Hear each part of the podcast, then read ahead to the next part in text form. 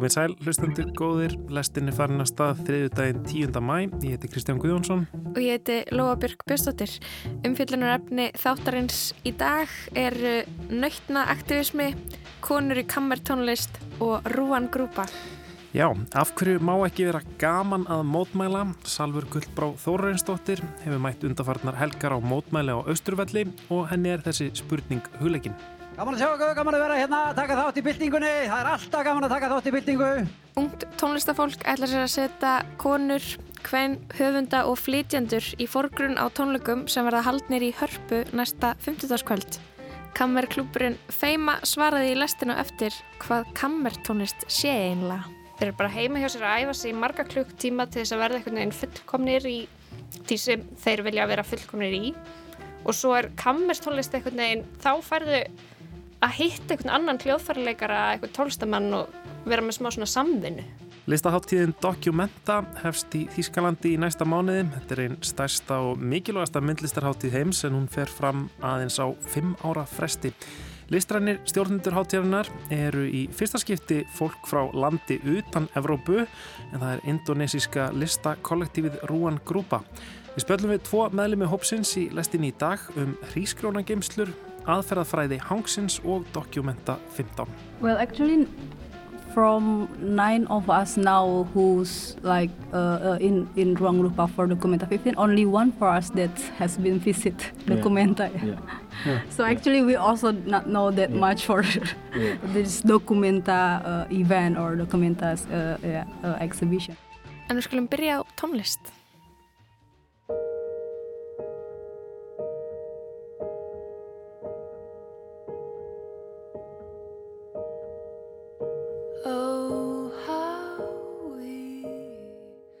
Anna Greta Sigurdóttir og Steinun Vala Pálsdóttir eru meðlemið í Feima Kammerklub og það eru sérstarinn hjá mér og við ætlum að tala um kammertónlist. Vil ég hértalega velkomna starfur. Takk fyrir. fyrir. Hvað vilt það ekki á ég að vera hér? Og prófaði bara og svo Anna, okay. þú heyrir kannski líka.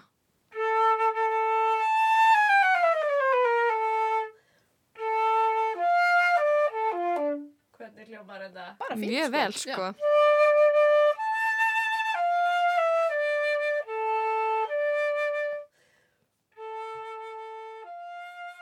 Hvað er kammertónlist og af hverju eru svona tvær svona ungar konur að spila kammertónlist? Já, sko, kammertónlist er bara klassísk tónlist sem spiluð af svona minni hóp en symfóniljósett mm. en fleiri en um, einum eða tveimur. Það er bara kammertónlist.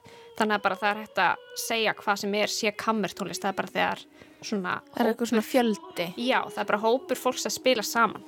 Mm -hmm. Klassiska tónlist.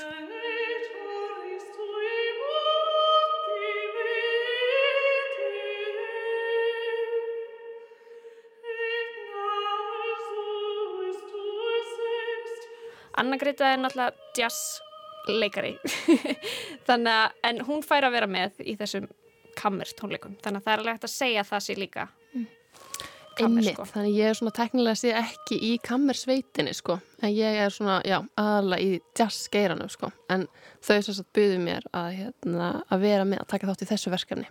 Og þá við að spila hérna, tónlist eftir mig í rauninni bara nýjum útsetningum og konstelasjónum sko mm -hmm. þannig þetta er bara mjög spennandi myndi ég að segja þannig ég er sko hérna pjónleikari sönguna og segja með einn tónlist og hérna já, bara mjög spennt fyrir þessu sko mm -hmm.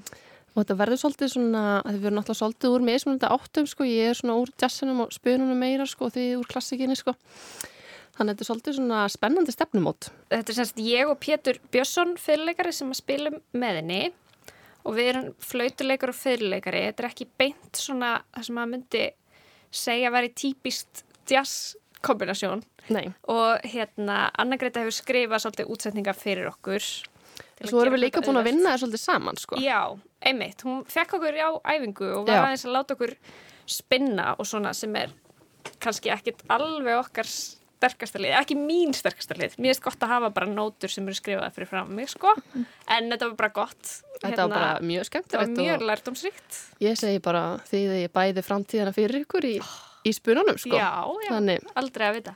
Hvað, en þið svöruð náttúrulega ekki spurningunni ungar konur uh, að spila kamertólist. Já, Hvað þarna, hvers vegna sækist þið í, í svona klassiska tónlist?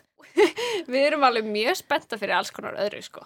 Þetta er bara, við sem erum klassískir hljóðfæraleikarar, byrjuðum bara þegar við vorum pínu lítil. Sumir kannski þryggja fjör ára, ég var sjö ára. Og svo bara einhvern veginn heldur maður áfram. Svo allt í henni er maður orðin 25 ára og bara eitthvað er bara búin að gera þetta og bara elskar þetta, skilur Þetta er ekki meðvituð ákvörðun kannski þegar maður er 10 ára að vera bara, nú ætla ég að vera klassískur spilar, þetta er bara svona þróast. Þannig að af hverju erum við að gera kamerstólist, það er bara svo gaman að spila saman. Það er aðal sko, klassískir hljóðfærleikar eru svo rosalega mikið einir að æfa sig. Þetta er bara, þeir eru bara heima hjá sér að æfa sig í marga klukktíma til þess að verða einhvern veginn fullkomnir í því sem þeir vilja vera fullkomnir í. Og svo er kammerstónlist einhvern veginn, þá færðu að hitta einhvern annan hljóðfærleikara einhvern tólstamann og vera með smá svona samvinnu. Það er svona Þú talar um hérna að, að þú byrjar að spila náttúrulega ung. Hvaða hljóðfæri fóruð að æfa og, og vissu alltaf að þeir myndu bara vera í tónlist eða einhvern veginn gerist þetta bara einhvern veginn? sko, já, ég byrjaði átt ára, háaldruð Er það, er Nei, það nei, svona nei. gamalt í, í þessum Nei, ég, ég er nú bara grínast sko, sko, það, já. það er bara frekar út, myndi ég segja það er bara, það er bara eðlilegt En auðvitað er allir gangur á því og, og, þú veist, fólk eða börn byrja alveg allt neyri, þú veist, þryggjara eða eitthvað sko. En bara í góðu meðalagi held ég, átt ára. En ég byrjaði á píjánu þá sko og ég byrjaði rauninni meira í klassikinni sko. Og svo með tímanum þá færði ég mig svona yfir í, í jazzin og spunan sko. svona þegar þú var svona 10 ára eða En Nei. þá, var ég, þá var ég alveg orðin 14 ára sko. En hérna, pappi minn er sko jazztónlistamæður þannig að það hefur alltaf verið svona með sko heima. En ég byrjaði svona í þessu klassiska tónlistanámi sko og fannst það bara, já, mér fannst það bara ógeðslega skemmtilegt.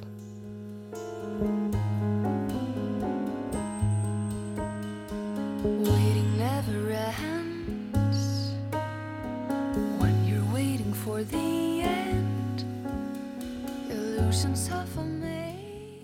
Og það, ég held að sé bara það sem maður er ennþá að hamast í þessu sko. Að þetta er bara svo gaman sko. algjörlega En svo er þetta náttúrulega mikil vinna líka, þú veist, og, og hérna, þú veist, æfa sá hljóðfarið og svona, og þú veist, og, og sitja og útsetja og allt þetta, sko. En, þú veist, já, en á endanum þá held ég að við bara endumst í þessu og erum í þessu að þetta er bara skemmtilegt og þetta er ástriða og bara, Já, Já. allir lendi í að það kemur eitthvað, þú veist, eitthvað tími þar sem að mann finnst þetta kannski ekki skemmtilegt lengur og langar að hætta. Það yfirleitt þegar maður er svona úlingur. Maður er kannski búin að spila hljóðfærið í 5-6 ár og er bara eitthvað svona, uh, þetta er ekki skemmtilegt lengur og nú er þetta orðið erfitt. og þá líka kannski aukast aðeins kröfunar, sko, Já, þegar maður er svona sko. 14-15, sko, Já, þá þarf maður svona meðvitaður um sig líka og verður svona, hvað á ég bara að vera að gera þetta? Er ég svona tónlistarlúði? En hvernig, en hvernig heldust þið þá í þessu? Því að ég, ég veit um Já. það hætti náttúrulega svo margir og, og margir jafnvel ennþá fyrr og þetta er svona, þetta var ennáttúrulega, ég efði á píano bara mjög stutt og maður var í tónfræði og öllu svona. Mhm. og það er einhvern veginn að það er svo fristandi út því að þetta er, þú veist, með heimanám í skólanum einmitt, og tómstundir og, og, og eitthvað svona vill leika. En algjörlega. þú veist alltaf með meira heimanám heldur en allir aðrir sem eru með þér í skóla. Hvað var það svona, var það bara eitthvað Sko, ástökar á já, já, í rauninni sko. Og þú veist, og auðvitað, þú veist ég ætla ekki að láta eins og maður hafi, þú veist, aldrei pínt sig að æfa sig, sko, þú veist, auðvitað gerði maður það alveg. En, og gerir enn það, sko. Þú veist, jú, jú, það kemur alveg fyrir en þú veist, en ég var alveg oft hugsað þetta og hugsað þetta oft ennþá í dag, sko bara eitthvað, ó, af hverju er ég ekki bara í einhverju 9-5 vinnu, sko, Já. þú veist bara búin að kaupa mér hús og þú veist, og Já, já, bara já. ganga þessa beinu braut, þú veist. En svo einhvern veginn sko og svo bara stendur maður sjálfan sig að því að maður allt í hennu sestur við píano og byrjar að gera eitthvað skilur þú veist, að þetta bara tógar í mann. Mhm. ég held að sé bara það sko. Já, sko, ég bara, ég held að sko, það hafi bara verið mamma mín sem bara, þú veist, hjálp mér í þessu, þú veist, ég var alveg, þú veist, á tímubili alveg að fara að hætta. Hún, ég gerði eitthvað svona samning við hana, ég þurfti að klára eitthvað, eitthvað próf eða eitthvað, svo mætti ég hætta. Þá einhvern veginn var ég með eitthvað hérna einn ákveðin kennara sem var bara svo ótrúlega inspirerandi og ég allt í einu bara eitthvað svona kviknaði eitthvað. Að þetta var bara allt í einu var í góð í þessu þú veist, og ekki svona bara bann sem að kannski gerir enga villu í einhverju lagi, þú fannst bara að þú varst að gera eitthvað annað, eitthvað svona koma allir inn eitthvað Skapa. annað dæmi já, og þá einhvern veginn þá vildi ég ekki hætta og svo bara einhvern veginn held maður alltaf áfram sko. Einmitt og svo einmitt, eins og það segir sko náttúrulega bara, auðvitað mikill stuðningu frá fóreldrum og, og kennurum og svona. Já. það er líka bara ótrúlega mikilvægt sko. máli sko. Skiptir öllu máli sko. Og er þetta, og þú talar um beinubrautinu og, og eiga hús og eitthvað svona, en af eitthvað svona, kannski allri tónlist til að vera í, er, er maður ekki smá á beinubrautinu þegar maður er meitt í, í klassík og jazz, það, þeir ekki kannski um, eitthvað svona í stúdiosessunum langt fram á nótt og hérna fólk á vökunni og hérna giggum helgar, eða er það kannski bara mjög svipað? Er ég, er ég, með, Sko, er ég með allavega eitthvað svona að sína á klassíska tónlist? Sko jazzin er náttúrulega svona kannski á setna árum aðeins búin að vera að koma inn í svona þau fórum sem að klassikin hefur verið í sko sem eru, þú veist, kannski þessi svona stærri tónleikasallir og svoleiðis en jazzin er náttúrulega í rauninni sko snýst þetta um að spila bara á einhverjum svona jazzklubum fyrir engan pening nánast sko eða þú veist, það er svona það sem að sko Ég- jazzin er alltaf já. miklu meira cool heldur en klassikin ég veit það á þessu leiti veist, þá er maður alveg veist, og þá getur maður alveg verið bara í skiluru einhverju djambi og alveg lengi. Er það ekki? Veist, Jú, þið jú, alveg það er alveg sein session og þú veist hangi á börum og alls konar svona. Þú hefur náttúrulega kannski alveg fengið eitt, alveg eitthvað svona smjör. Smjörstef af eitthvað rockstjörnulífi. Já, eða ég veit alltaf með þig ég náttúrulega um, úrst búin að vera að túra með Björk. Já. Þannig að þar hefur fengið að vera á, á flautinni í algjöru rockstjörnulífi eða það ekki? Algjörlega, jú, það var alveg bara, það var langt út fyrir kassan af því sem ég hef gert áður. Og þar, þú veist, lærðu við hérna, semst öll lögin um, utanbókar sem er alveg, við kunnum það, við eigum að gera það alltaf í skólanum og eitthvað svona, en þetta var alveg svona spes að spila heila tónleika að vera ekki með neinar nótur, bara að vera, þú veist, á sviðina að spila eftir minni. Og svo vorum við líka að dansa og hérna við vorum alveg í bara miklum dansbúðum hjá Margréti Bjarnadóttur danshöfundi. Og vorum í svaka búningum og þú veist, vorum málaðar og þetta var alltaf bara mesta rockstjörn líf sem ég hef upplifað og mun upplifa Var, var þetta ekki alveg svolítið svona langt tímabil? Jú. að- Var, ekki, var þetta fleiri en eitt tónleikaferðalag?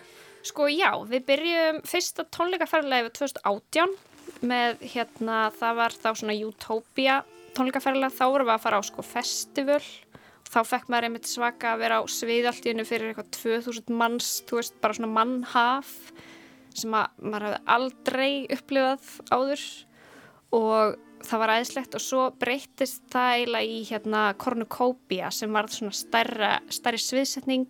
Þá var komin kór með og þá voru aðrir búningar annars settlisti og svona. Og það var alveg síðast fórum við bara núna í janúar, februar til Los Angeles og San Francisco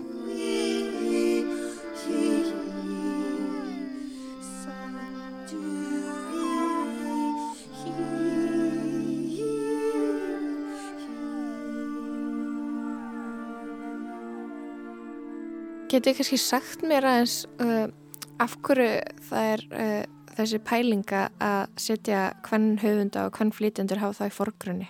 Ég veit að kannski, kannski svari er augljóst en um, hvað kemur til? Já, sko, svarið er náttúrulega augljóst. Það er náttúrulega alveg sérstaklega í klassikinu og ábyggilega líka í jazzinum. Ég er eiginlega vissum það að það er, þú veist, 99% eftir kalla og hérna og það er bara svaklega þörf á að, að svolítið íta upp þessum kvenkins tónskaldum og það er sérstaklega þeir, þær sem voru að skrifa tónlist fyrir, þú veist, 1950, segjum.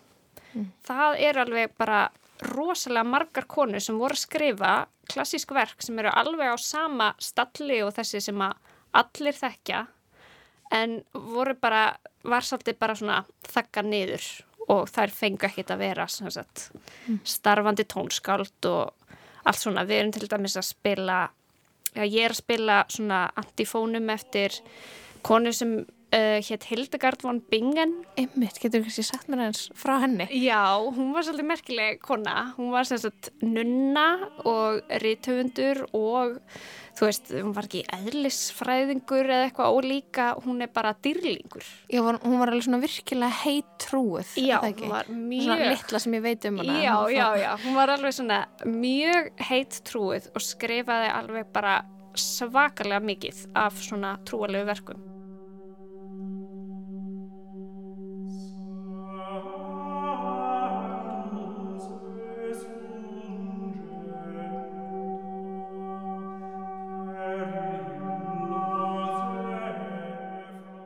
Steinun, ég baði um að, að koma flöytu. Þú ert náttúrulega píjánuleikari. Það er því miður ekki að koma með píjánu í stúdíói. Það er aðeins erfara. En spilar það kannski á eitthvað annað minna líka? Mér finnst þess að allt tónlistafólk spila á svona sjö önnur hljóðfæri. Já, og já. með svona eitt aðal en eru svona... Er ég það, syng líka sko já.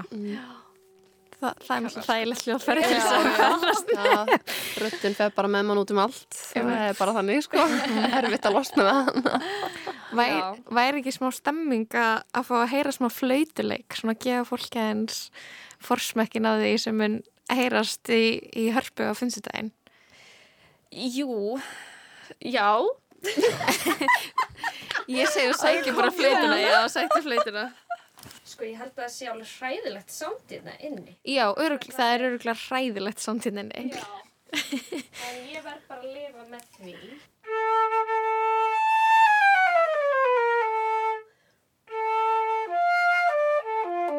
Hvernig hljómar þetta? bara fínt Mjög vel, sko. geggja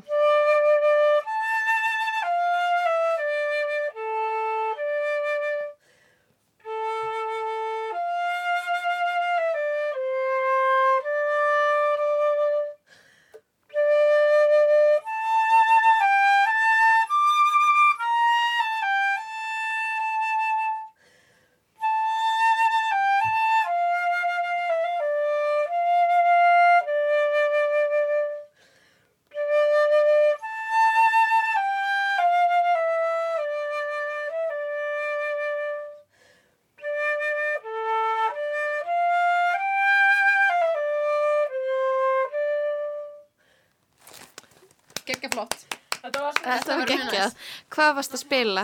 Var þetta sko, þetta var bara smá Hildegard von Bingen svona remix, sko. Þetta er Nice. svona monofónísk Já, þetta er svona hún skrifaði svona monofóníska tónlist sem þýðir sem að það er bara svona ein laglína í gangi.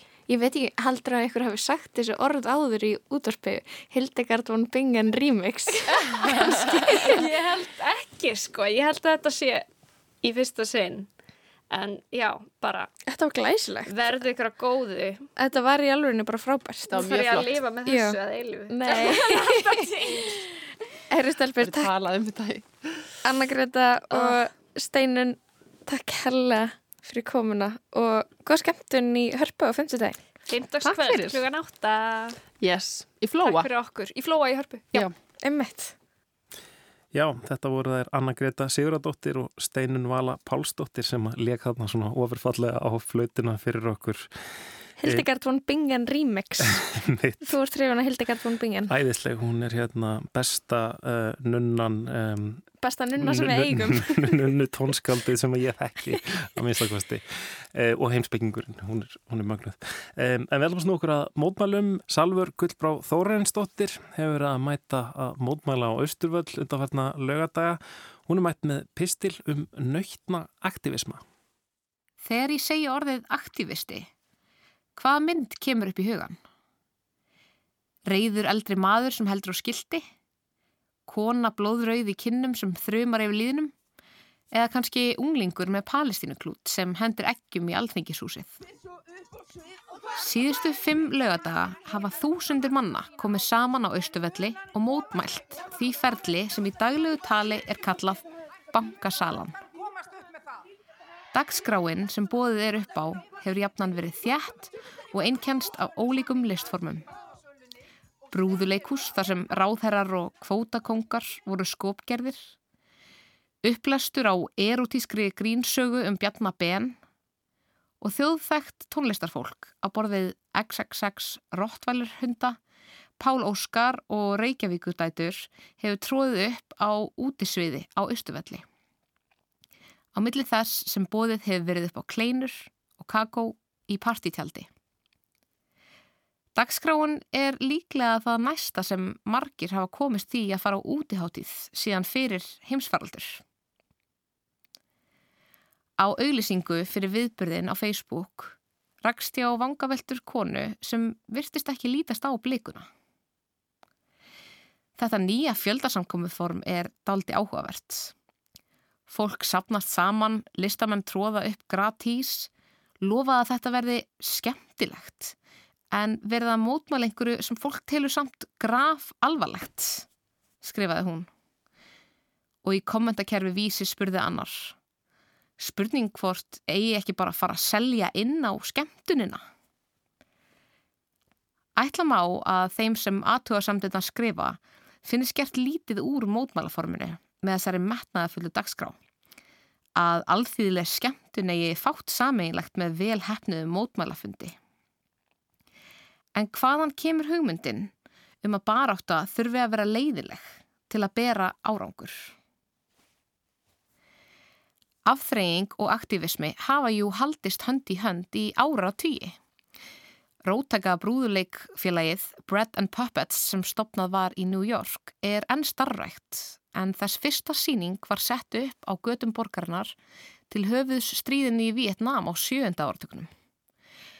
Og ef við lítum okkur nær, þarf ekki að leita lengi til að finna skemmtun á mótmælum. Ég er auðvitað að tala um búsáhaldabildinguna. Já, ég veit, ástandið í samfélaginu var grav alvarlegt.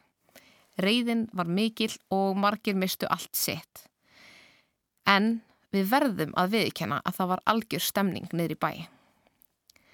Hvort sem það var Haugur Hilmarsson að klifra upp á alþingisús til að flagga bónusfánanum við mikinn fagnuð mótmælenda eða þegar allt í einu var komin bálköstur á Ísturvöll og fólk hófa að dansa í kringum hann eða þegar kryttsíldin var tekin úr sambandi. Kaotíst, já, en algjör vesla. Og jújú, jú, Lauruglan spröytaði piparúða, stundum var einhver handtekinn og það var oft umrætt viður. En við vorum allavega að ímynda okkur betri heim. Öll saman í kös. Þetta var svo litið eins og að vera á reysastóru eittarmóti í hverju viku. Allavega var amma mín alltaf aðna og líka mjög margir sem að ég veit að eru skildir mér en man ekki alveg hvernig. Og við vorum þjóðinn hvað sem sniftir valdakallar reyndu að tala mótmælindu neður og smætta þá í reyðan og neikvæðan líð. Gaman að sjá okkur, gaman að vera hérna, taka þátt í byltingunni, það er alltaf gaman að taka þátt í byltingu. Þegar leita er að dæmum um samband mótmæla og húmors þarf ekki annað en að skoða öll skiltin. Halló, helvitis fokking fokk skiltið er á borgarsögu sapni Reykjavíkur, svo mikil táknmynd tímans varða. Pislahöfundur vill þó alls ekki gefi skinn að húmórin sé aðeins verkfæri þeirra mótmælenda sem krefjast afsagnar ráðherra í kjölfar bankarhruna og sölu. Sköpun og húmór í skildagerð spyr ekki um málstað eða hægri og vinstri. Ljóðurinnan virðist í það minnst að hafa slegið skildahöfundin sem hjælt á skildinu Hvenar er faraldur, faraldur, haraldur? Í mótmælagöngu þeirra sem mótmæltu bólusetningum barna rétt fyrir jól. Og annað skildi spurði kangvíst, hvað fegstu í skóin? Ég fekk tveggja metra málband. Þó deila megi um merkingu og réttmæti þessar skilabóða er ekki hægt að neyta því að ákveðin leikgleði einkynir þau, þrátt fyrir alvarleika málefnisins. Ég var að gera það öll saman Adrienne Marie Brown er aktivisti, dúla og feministi og höfundur bókarnar Pleasure Activism eða nöytna aktivismi. Samkvæmt henni er það rótakasta sem manneski getur gert til að berjast gegn ríkjandi valdakerfum akkurat það að njóta lífsins. Nöytna aktivismi snýst um að gera baróttuna fyrir réttlæti og frelsi að ánægilegustu upplifun sem við getum átt á þessari jörð, skrifar Brown og hvetur fólk til að gera þá baráttu að órjúmanlegum hluta lífsamiki þess. Síðustu ár hefur réttlætis leit borgarna færst að meira leiti yfir á almenningstorg samfélagsmiðlana.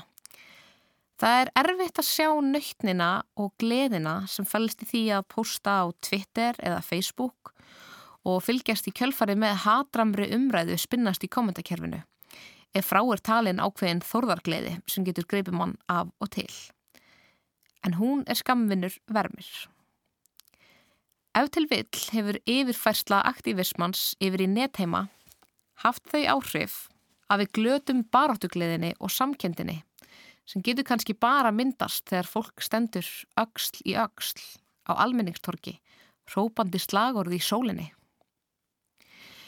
Þau sem halda um stjórnatöymana segjast vera þau bjart sínu.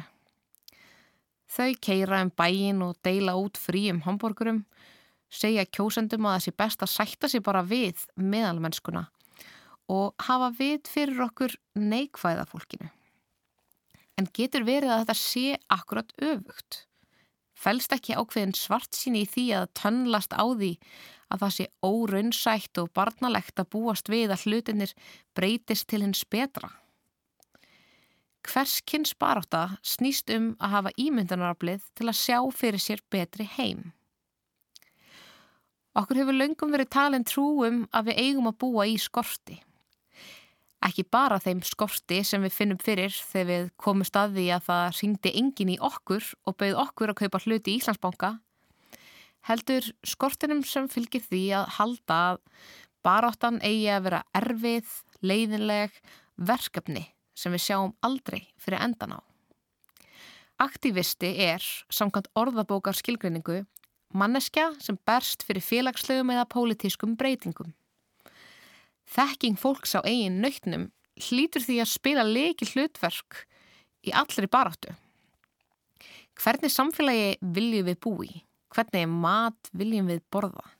Hvaða lista viljum við njóta? Hvernig samskipti viljum við eiga? Hvernig viljum við koma saman?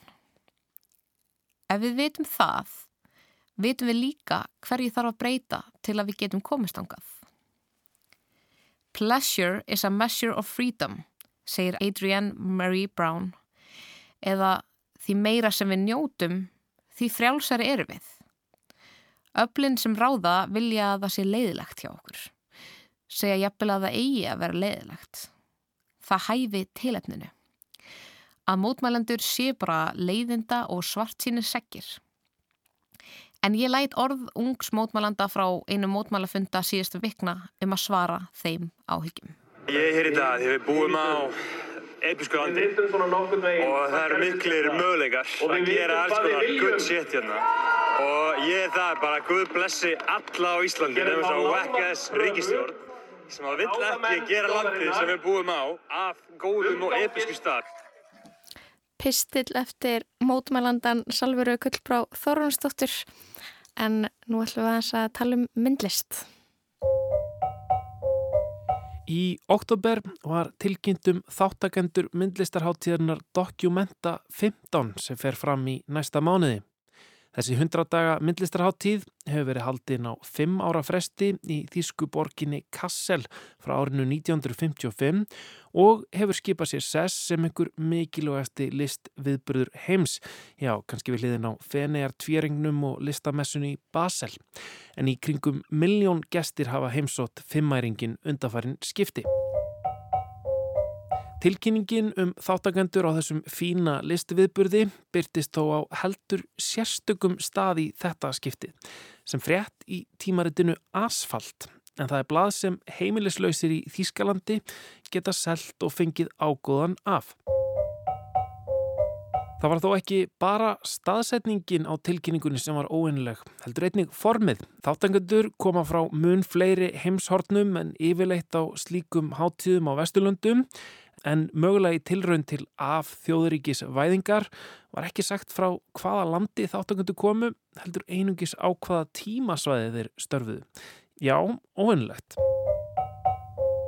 Í þriðja lagi voru þetta svo aðeins að litlum hluta stakir listamenn, ekki þessar heimsþektu stjörnur sem fylla venjulega lista þáttakenda, heldur voru þetta að langmestu leiti lista hópar, ímiskonar kollektív, aktivistar, hópar fræðimanna og grásrótar samtök.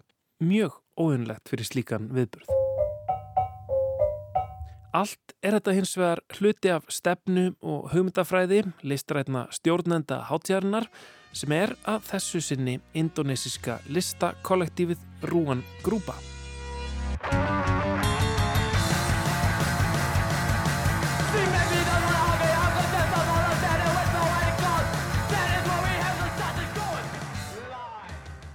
Rúan Grúpa var stopnað árið 2000 af sjö listamönnum í Jakarta í Indonésiu og hefur skipulagt listviðburði, síningarými, tónleika, háttíðir og ímislegt fleira undarfarnar tvo áratví. Meðlum að tala þessa óhagnaðar drifna kollektífs er fljótandi og mismundi eftir verkefnum. En hópurinn inniheldur fólk á ólíkum aldri með ólíkam bakgrunn, listamenn, jænt sem fræðimenn og grassrótar aktivista.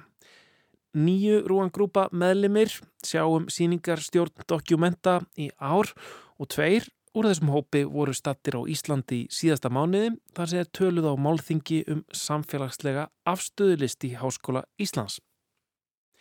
Ég settist niður með þeim að Jeng Nurul Aini og Mirvan Anden við kaffihúsið í Veröld í Háskóla Íslands. So my name is Ajeng Nurul Aini and everyone called me Ajeng. My background is actually uh, journalism, and I start join Ruang Rupa since 2009 for some projects uh, with the OK Video projects, and start uh, to uh, as a manager uh, in 2011 until now. Yeah. Uh, hey, everyone. I'm Mirwan Andan. Um, but you can simply call me Andan. And I have a background. I studied uh, French literature and comparative political science, and now I've been in Ruang Rupa uh, to work on mostly on uh, uh, research and uh, developing uh, the, the collective. Þetta er í fyrsta skipti sem einstaklingar sem ekki koma frá Evrópu eru listarinnir stjórnendur dokumenta og reyndar líka í fyrsta skipti sem hópur eða kollektív fær þetta hlutverk. Og það eru þó nokkrar fréttir. Því að síningastýra þessu risa stóra festivali er álitið eitt mikilvægasta hlutverk listheimsins á hverjum áratug. Já, ef það er einhver sem hefur afgerandi áhrifum þessar myndir í listheiminum, þá er það einmitt síningastjórar slíkra háttíða. Með nálgun sinni, vali á þemum og þáttakendum taka þau þátt í að skilgrina fókus og viðfangsefni listemsins, beina sjónum að tilteknum listamönnum og gera tiltekna hugmyndafræði eða fagufræði ábyrrandi. Já, til marg sem þetta vald listrætna stjórnenda dokumenta voru Rúan Grúpa sett í annað sæti á lista um áhrifamesta fólk listheimsins í fyrra. En hvaðan sprettur þessi hópur? The, the year of 2000 was the year where uh, at the early days of uh, the end of the uh, New Order regime, an authoritarian regime that was started uh, in 1965.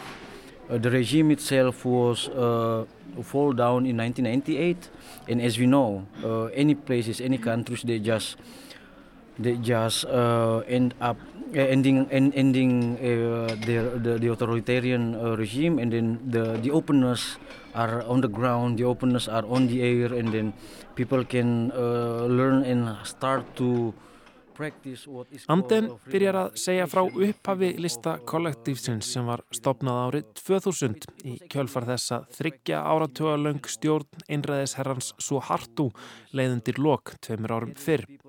Hann segir að við fall svo hart og stjórnarinnar hafi í fyrsta skipti opnast rými fyrir fólk til að koma saman og nýta tjáningafrelsið, fundafrelsi og stunda hverskins frjálsa tjáningum.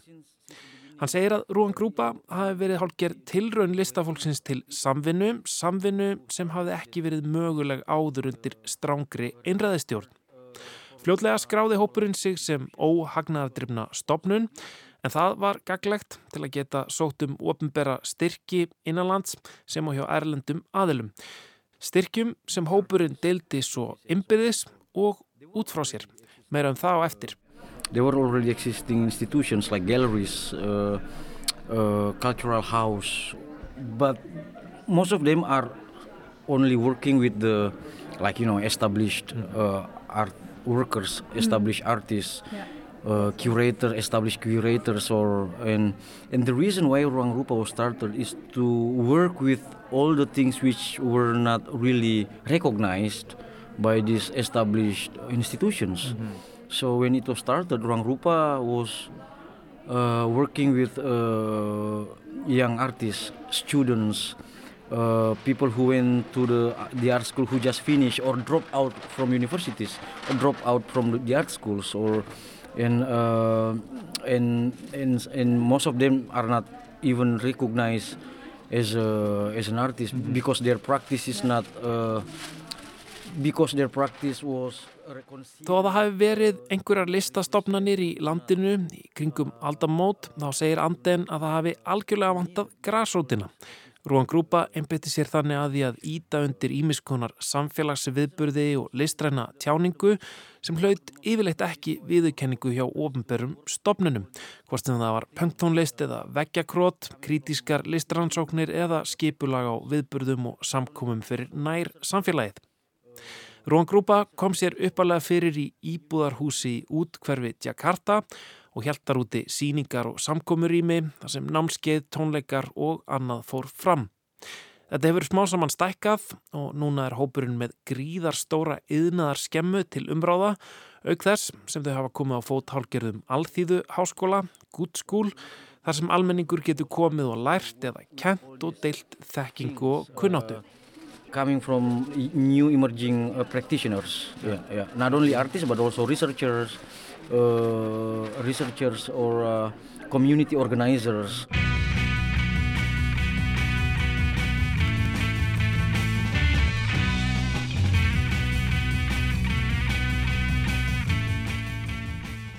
Þau segja að þegar hópurinn Rúan Grúpa fari af stað í verkefni þá sé aldrei neinn tiltekin niðurstaða sem sé markmið heldur sé ferlið sjálft markmiði sjálfu sér.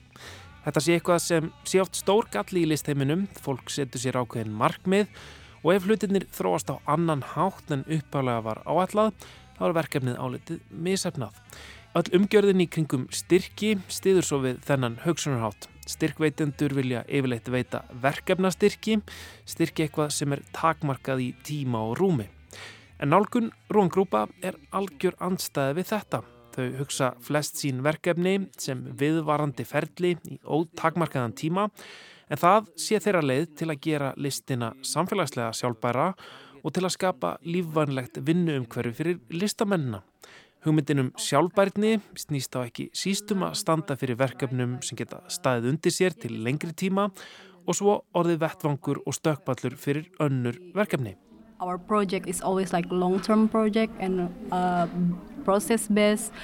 And talking about the sustainable, it's also uh, uh, uh, it's it's it's include the how to sustain like our practice and like our economic economic or financial as an organization or as a collective because that's very uh, that both are kind of like the the core as well what we, we want to we want to do like uh, because for example in, in the art collective or in the uh, in Indonesia, uh, most of us are still depends on the uh, funders, uh, foreign funders, for example, and government. But as we know, the government sometimes they they, they give uh, kind of like a grant, but only for a project. So for project you have a duration. So Mm. it's not for long term. It's maybe for one, two, three project. And after you got the projects, you need to you need to change. I mean, because if you al- al- already uh, receive a lot, so you need to uh, t- turn to the other one. So uh, the idea is how to how to make ourselves sustain, uh, maybe by uh, uh, uh, collect our resources and uh, like uh, and distribute it together for everyone in the collective or in the ecosystem. Ef það er hægt að kjarna hugmyndafræði Rúan Grúpa þá má segja að hún gangi út á hámarka nýtingu á þeim aðfengum sem til eru. að setja allt í pott og útdeila til þess sem þarf hverju sinni. And yeah, this uh, lumbung or, or uh, it's translated as rice barn in English. So as a Um þetta nota þau indonesíska hugtækið lumbung sem þýðir í raun hrísgrjóna hlaða eða grjóna geimsla. Já, á nánast öllum indonesísku eigunum er einhver gerð af þessari byggingu lumbung þar sem íbúar bæja eða svæðis setja auka forða af grjónum í hlöðu sem er byggð miðsvæðis. Þessum auka forða útdeilir hópurinn svo þegar við á. En byggingunni er ekki bara ætlað að hýsa þennan auka forða sem að hópurinn útdeilir, heldur hefur hún annað hlutverk. Hlaðan er upphækkuð á hálgirum stultum og undir henni sapnast fólk einnig saman. Lumbung er því samkominnstaður þar sem að bæjarbúar flýja brennheita sólina, setjast í skuggan, ræða málefni líðandi stundar og ráða ráðum sínum. Sem sagt, Lumbung hugmyndafræðin gengur út á að öll aðföng sem þáttakendur verða sér út um, fara í pott og svo er þeim útdelt eftir þörfum. Og þetta er þemað á Dokumenta 15. Þetta hljómar allt ótrúlega vel en ég velti fyrir mér hvernig hópur með slíka samvinnu og sameignar hugssjón ná að lifa og vaksa í meirinn tvo áratví hvort að þau hafi skapað formlega ferla til að taka ákvarðanir og forðast átök og flokkadrætti.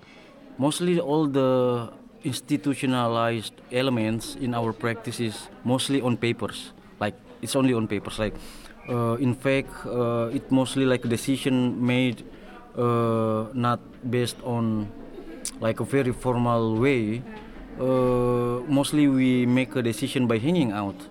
So when we're hanging out, that's how we discuss uh, not only problems but also solutions.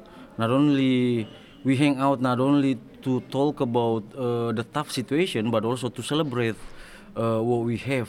Uh, and it's always the question we uh, we we receive from people that how do we recognize people? How is it that how how many members we have?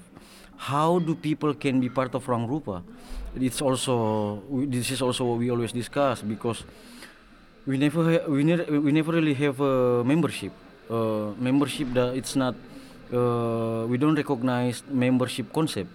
So anyone can just uh, join the table to hang out, to discuss, to drink, to eat. Put your cigarette there. You, we have it, or we put cigarette there, and then you can have it, and then. Nei, segja þau. Slíkir formlegir ferlar sé að mestuleiti á blaði þegar þarf að sækjum styrki eða álíka, en almennt ekki. Rúan Grúpa hefur meira sér ekki neina meðlima skrá. Þau nota varla hugtækið meðlimur. Starf hópsins byggist fyrst og fremst á óformlegum og persónulegum samskiptum. Þau tala um hangsið, hangout, sem ákveðna aðferðafræði. Þau rými sem Rúan Grúpa heldur úti eru þannig nánast alltaf opinn, jável allan sólaringin og hver sem er getur komið og hangsað með þeim sem þar eru. Forsendan er bara að fólk gangist við hugmyndafræðinni, þessari algjöru samvinnu og samnýtingu aðfanga. Í verkefnum Rúan Grúpa deilir fólk öllu, hvort sem það er matur, síkarettur, verkfæri, þekking eða styrkir frá stopnunum. in in Ruang Lupas in our fir- uh, not first but old one old space it's open for 24 hours so people can come every time they want and Yeah. in Ruang Lupa there's always be someone in there uh, even they're sleeping or they're just yeah hanging out in there Bæði Adjani og Anden fóru þannig að taka þátt í starfi Rúan Grúpa með slíku hangsi.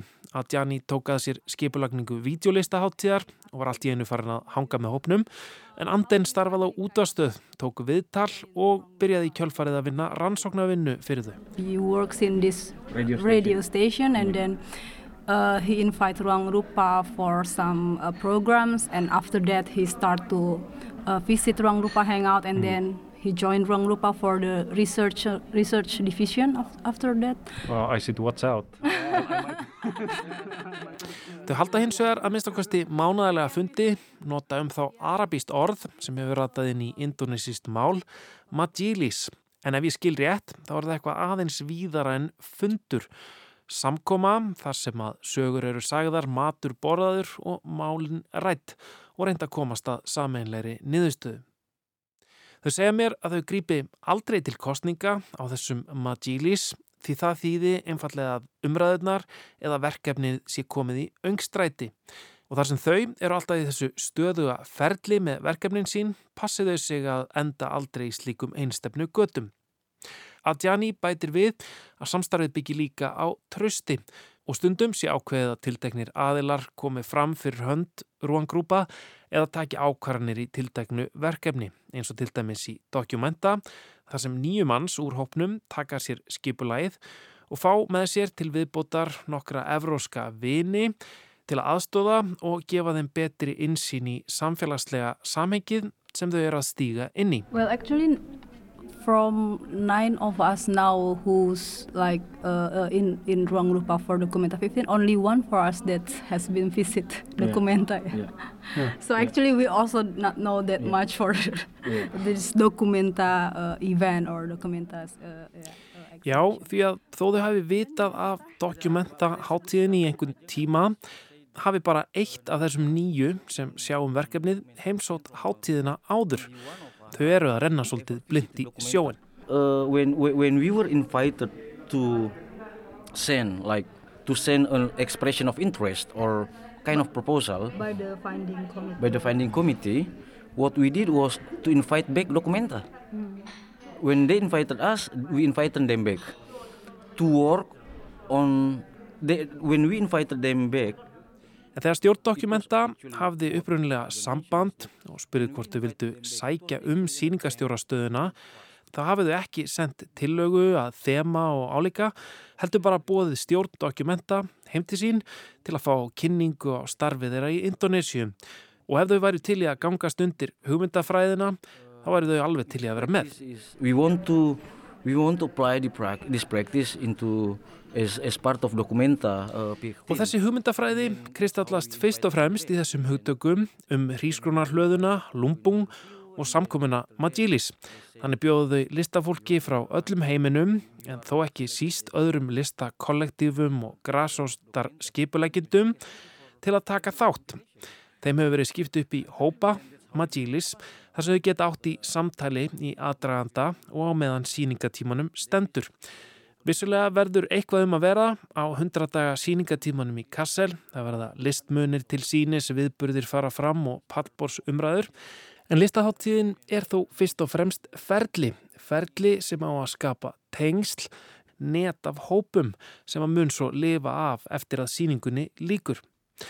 Ég verða viðkjöna að ég ásóldið erfitt með að ná utanum þetta, hvernig þetta mun allt saman líta út en erum leið spenntur að sjá hvernig þau geta sprengt upp hið stengjelda form myndlistar hátíðarnar. when we, we start to make this Documenta 15, we're, we're, we're thinking it's not just something that done after the September 25th, like Anden said, but we, we were thinking more than that. Like we're thinking something that can long lasting or can Sustain- sustain, sustain. yeah, that's why like the projects or maybe if you later visit the Documenta 15 you you you can still see the the object but maybe you can also see the other things that yeah, relate to this.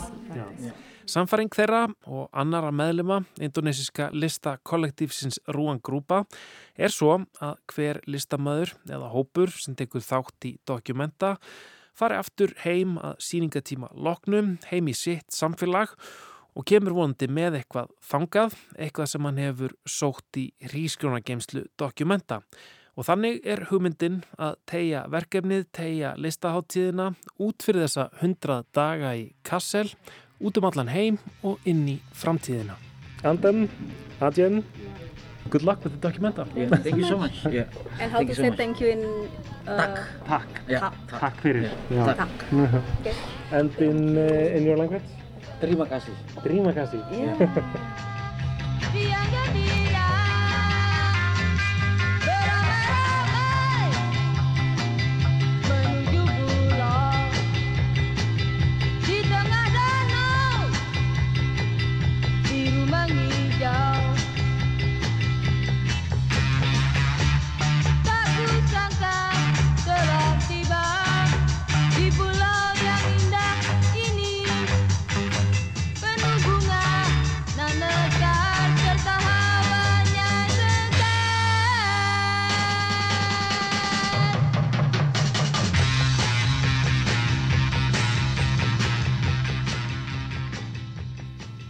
Já, smá indonesísk síkadelisk rocktónlist. Þar áður var rætt við tvo meðlemi listakollektífsins Rúan Grúpa sem eru listrænir stjórnendur myndlistarháttíðarinnar Documenta 15 sem fer fram í Kassel í Þýskalandi í júni. Ég náðu að grípa þau Mirvan Andan og Adjeng Nurul Æni þegar þau voru hérna í mars á málþingi fænart um, um félagslega afstöðulist.